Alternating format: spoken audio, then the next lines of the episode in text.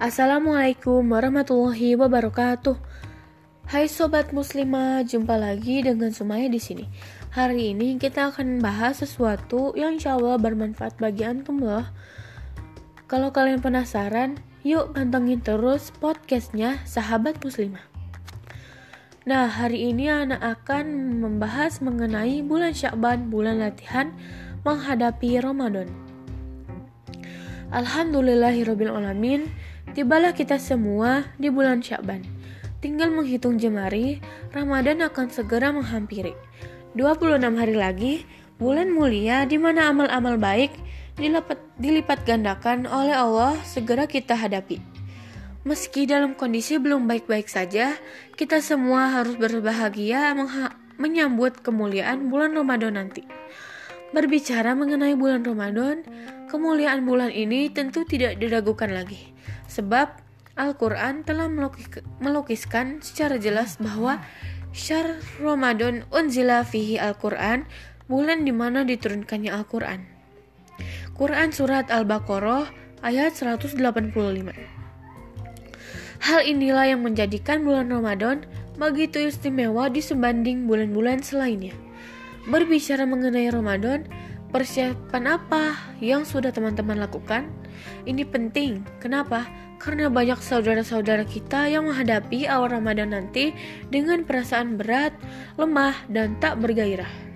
Puasa hanya membuatnya lelah, menahan dahaga dan lapar dari terbit fajar hingga terbenam matahari terasa melatihkan. Adakah yang harusnya diperbaiki agar hal ini setidaknya dapat kita hindari? Ada. Rasulullah Wasallam sendiri telah memberikan contoh dan teladan bagaimana agar Ramadan bisa dilalui dengan semangat dan tetap produktif. Caranya, mari kita simak hadis dari Aisyah radhiyallahu anha di bawah ini.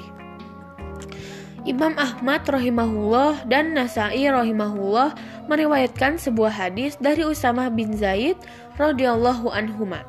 Beliau radhiyallahu anhuma mengatakan, Rasulullah Shallallahu Alaihi Wasallam tidak pernah berpuasa dalam sebulan sebagaimana beliau Shallallahu Alaihi Wasallam berpuasa pada bulan Syakban. Lalu ada yang berkata, aku tidak pernah melihat anda berpuasa sebagaimana anda berpuasa pada bulan Syakban. Rasulullah Shallallahu Alaihi Wasallam menjawab, banyak orang melalaikan antara Rajab dan Ramadan. Padahal pada bulan itu amalan-amalan makhluk diangkat ke hadirat Rob. Maka saya ingin amalan saya diangkat saat saya sedang puasa. Hadis riwayat An-Nasai Syekh Al-Albani mengatakan bahwa hadis ini hasan.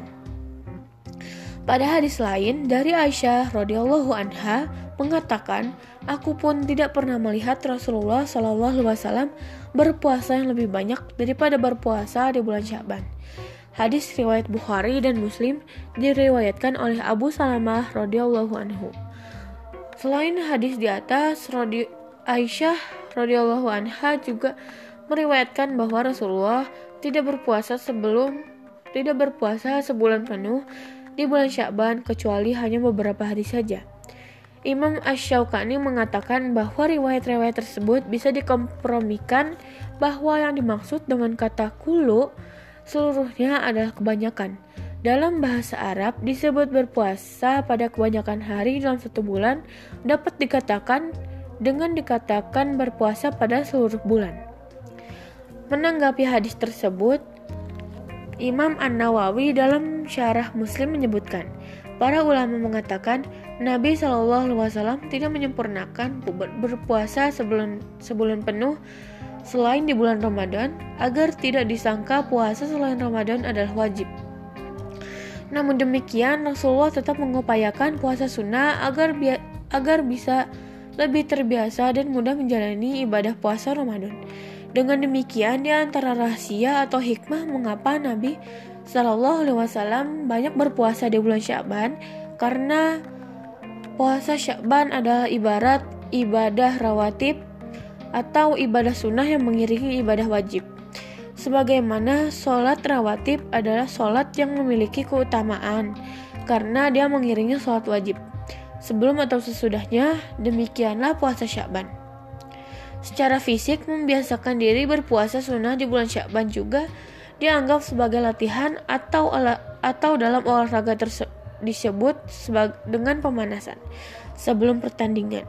Juga mengingatkan kepada mereka yang memiliki hutang puasa Ramadan tahun lalu agar membayar puasanya pada bulan Syaban seperti istri Nabi Aisyah pernah mempunyai hutang puasa Ramadan sebelumnya dan membayarnya pada bulan Syaban. Saat suaminya juga memperbanyak puasa di dalamnya, di dalam kitab Lataif Al-Ma'arif disebutkan memperbanyak puasa pada bulan Syakban adalah sebagai latihan sebelum memasuki bulan Ramadan. Jika seseorang sudah terbiasa berpuasa sebelum sebelum puasa Ramadan, tentu dia akan lebih kuat dan lebih bersemangat untuk melakukan puasa wajib di bulan Ramadan. Selain dianjurkan untuk melatih diri berpuasa sunnah maupun membayar hutang puasa Ramadan di bulan Syakban, terdapat keutamaan khusus untuk malam untuk malam nisfu Sya'ban. Pendapat ini berdasarkan hadis sahih dari Abu Musa al-Asy'ari radhiyallahu anhu, di mana Nabi Shallallahu alaihi wasallam bersabda, "Sesungguhnya Allah melihat pada malam pertengahan Sya'ban, maka Dia mengampuni semua makhluknya." kecuali orang musyrik dan orang yang bermusuhan. Hadis riwayat Ibnu Majah At-Tabrani dan disahihkan Al-Albani. Demikianlah beberapa keutamaan bulan Syaban, yuk perbanyak puasa sunnah di bulan ini. Kalau masih punya hutang puasa Ramadan, dibayar dulu ya. Anda ucapkan terima kasih bagi antum yang sudah setia dengerin pembahasan Anda hari ini. Insya Allah kita akan jumpa lagi di esok harinya. Wassalamualaikum warahmatullahi wabarakatuh.